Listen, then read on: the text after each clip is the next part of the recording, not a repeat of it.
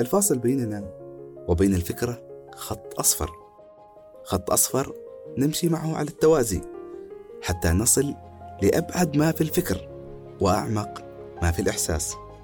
خط أصفر على جانب الطريق مثلا يحمينا من الخروج عن جادة الطريق أو بكل بساطة هو الشيء الوحيد اللي لازم نركز عليه ونحن نستمع للبودكاست. كثيرة هي الخطوط اللي نتوقف عندها. ودائما نسمع إن في خطوط حمراء لازم ما نتجاوزها. الخط الأصفر عكس ذلك تماما. هو ممتد ليوجه بوصلة الأفكار والأحاسيس إلى الطريق الصحيح. ونحن أبدا ما بحاجة لأن نقطع الخطوط أو نتجاوزها. تماما كما يخبرنا الخط الأصفر. يكفي أن نمضي مع الأشياء بالتوازي. وتبارك الذي خلق الوجود موازيا للكائنات.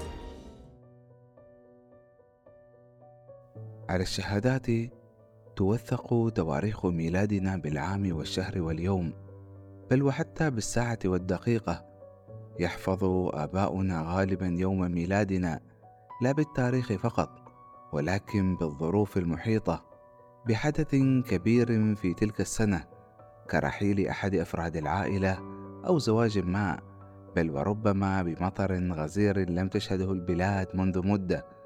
تحفظ الأمهات تفاصيل تلك الأيام وما حدث فيها. فحدث الميلاد ليس حدثا عابرا أبدا. من يتأمله بعمق سيدهش منه. حي يلد حيا. كائن تنبض فيه الحياة يضاف إلى الحياة. ليس بالأمر الهين أبدا. الخلق أمر عظيم والروح من أمر ربي. لذا أن يخرج للحياة طفل بروح فهذا يوم لابد أن يوثق وترصد لحظاته بتفاصيلها. يدون على شهادة الميلاد تفاصيل التاريخ والوقت. ويكتب الاسم الذي سيكون عمره من عمر صاحبه أو أكثر من ذلك أو أقل. أسماؤنا التي نحملها ربما تكون قد سبقتنا غالبا إذ لا ينتظر الآباء لحظة الميلاد لاختيار الاسم.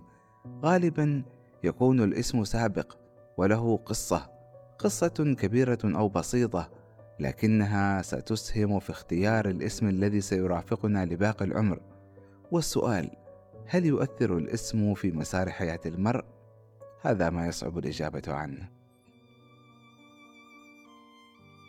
عموما يوثق تاريخ الميلاد وظروفه المحيطة حتى يردد عليك دائما حين تكبر أنت مولود قبل فلان بيومين أو فلان سبقك بساعة وإذا كنت من جيل الطيبين راح يخبروك إنك ولدت في السنة التي غاب فيها فلان وكلمة غاب كلمة حيرتني كثيرا.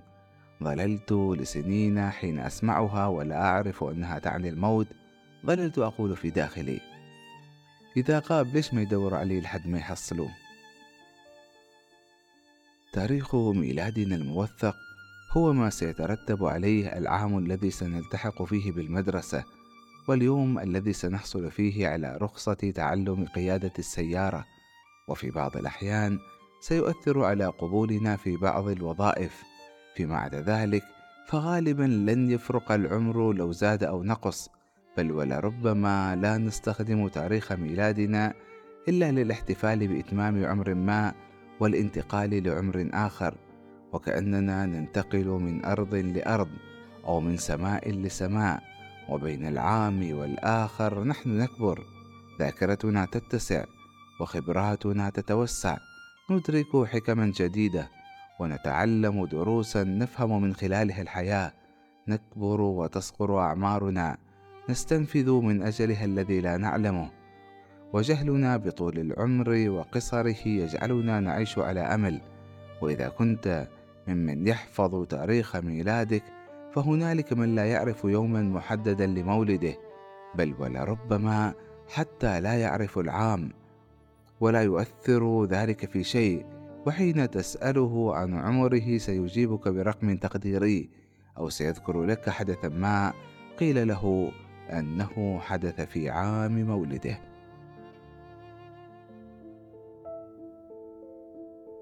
في اللحظة التي نولد فيها يبصرنا الكون من نظرته العلوية ويبصر في تلك اللحظة الأثر الذي يحدثه هذا الميلاد الجديد. لحظة فارقة بمعنى الكلمة فأي شيء أعظم من ميلاد كائن حي خصوصا أن البشر وإن اجتمعوا لن يخلقوا ذبابة وإن يسلبهم الذباب شيء فهم أضعف من أن يستردوه. فكيف بميلاد خليفة من خلفاء الله في الأرض؟ يحق لك أن تحتفل بعيد ميلادك فهذا أعظم ما حدث في تاريخك. خروجك للحياة بعد أن كنت في عالم العدم لدهر طويل. يحق لك أن تفرح بيوم ميلادك وتحتفي به حتى وإن كنت لا تملك في ذلك أي يد أو خيار غير أن الميلاد نفسه يدفعنا لتأمل الفعل. الميلاد حياة جديدة تتكرر في كل عام ذكراها لكن الفعل نفسه يتكرر بشكل غير منتظم. لذا سيقول البعض أنه ولد مرتين. المرة الأولى والتي لا يختلف عليها أحد هي يوم أبصر النور على هذه الأرض. أما الثانية فهي كثيرة ومتنوعة. بعضهم يجدها في التخرج من الجامعة والآخر في بداية مشوار العمل. والثالث سيقول أنها يوم التقى بقلبه المفقود. ورابع سيتحدث عن سفر عاد من بعده بشرا آخر وآخرون سيتفننون في ميلاد مختلف صنع لهم حياة مميزة لكن الولادة الجديدة غالبا ما ترتبط بالموت أو العدم لذا سيحدثك من نجا من حادث خطير أنه ولد من جديد وربط الميلاد بالموت لأنه الحالة الأقرب للميلاد الأول إذ لا ندري حقا أين تكون الروح قبل ذلك الميلاد بتسعة أشهر؟ يبدأ عمر الإنسان حسب المتعارف عليه من لحظة ميلاده ليبدأ معها حساب آخر للعمر. عمر يقيس ما مضى وهذا ما يصرح به الإنسان. وآخر يمتد نحو نهاية هلامية في البعيد. يعتقد كل واحد أنه سيعيش لعمر ما. يبني حياته وفق امتداد للمستقبل يتوقعه. يسير نحو النهاية التي يبصرها تقترب منه أحيانا وفي أحيان أخرى تبتعد. لكن العمر الذي هو حياة الإنسان على هذه الأرض ينتهي عند نقطة ما لا يعرفها. هنالك من لا يعرف تاريخ ميلاده المحدد لذا لا يعرف عمره بالتحديد. وماذا يفيد أن يعرف المرء عمره ما دام لا يعرف كم سيعيش؟ بل ولا يعرف هل سيعيش حتى الثانية القادمة أم لا فهل تفيد معرفة العمر حقا؟ ربما إذا كان العمر دافعا للإنجاز وتحقيق الأهداف وهذا ما يحدث على مستوى عام حين يشترط عمرا ما لبدء الدراسة أو الالتحاق بالعمل لذا في زمن ما حين كانت الوظائف تتطلب سنا محددة وكانت الأعمار تقديرية لجأ البعض لتكبير سنهم وإعطاء أعمار أكبر ليقعوا بعد سنين في حفرة التقاعد المبكر وهم في سن أصغر. من جهة أخرى قد يكون العمر عامل ضغط على صاحبه حين تقاس الأشياء بالعمر. فيقال فلان تأخر في التخرج أو غايته يتزوج. وهنا يكون العمر عامل ضغط لا يقيس كل الأسباب والظروف الأخرى.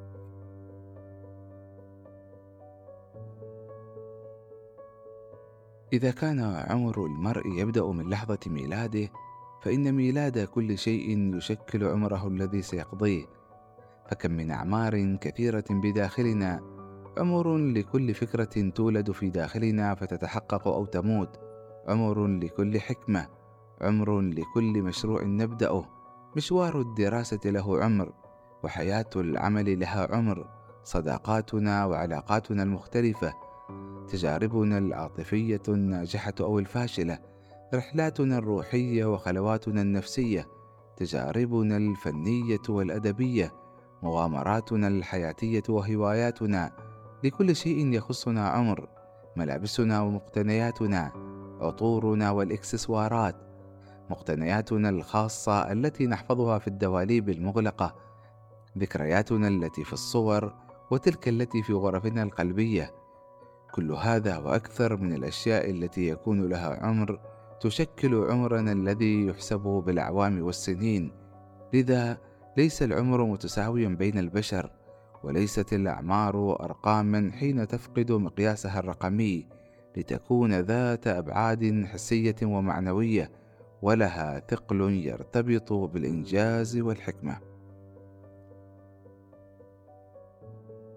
نحن إذا مجموعة أعمار مركبة، وهذا العمر الذي يقيس ما مضى ليس إلا مجرد رقم، لكنه يتضح كثيرا حين نضع فلان أمام فلان، ربما يكون عدد سنواته منذ الميلاد متساويا، لكن عدد السنوات لا يعكس إلا عدد السنوات، أما عمر كل واحد منهم فمختلف تماما لو قورن بما أنجز وما حقق.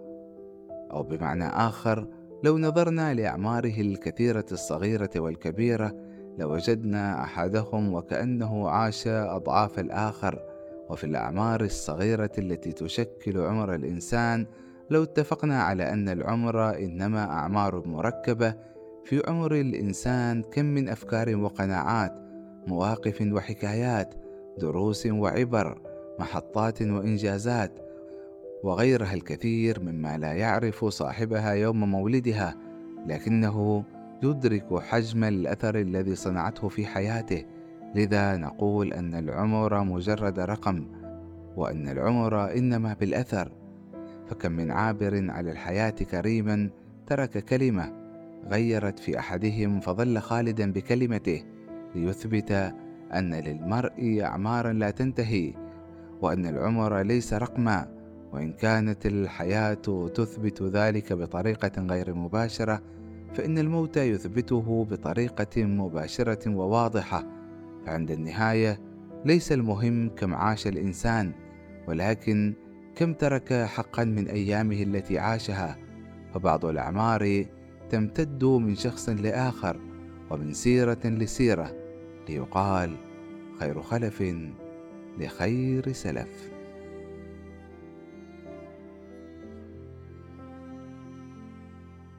ختاما. يكبر عمر الإنسان يوما بعد يوم وعاما بعد عام لكنه في الحقيقة يصغر إذ يستهلك من رصيده المجهول. وفي هذا تحد كبير للبشر الذين بنيت تفاصيل حياتهم على الزمن ويقاس تاريخهم بالزمن حتى مضيهم اليومي وتحركاتهم بأقدامهم ومركباتهم ودوابهم كلها قائمة على الزمن ولأن أي معادلة في الحياة لا تحل في وجود مجهولين سيكون على المرء أن يكتب معادلة حياته الخاصة وهو يضع العمر مجهولا ويثبت باقي المتغيرات أو ربما بشكل آخر على المرء أن يعيش وفق الاحتمالات كلها احتمال أن حياته قصيرة. وأنها قد تطول وبين الاحتمالين سيكون عليه أن يعمل لدنياه كأنه يعيش أبدا ولآخرته كأنه يموت غدا.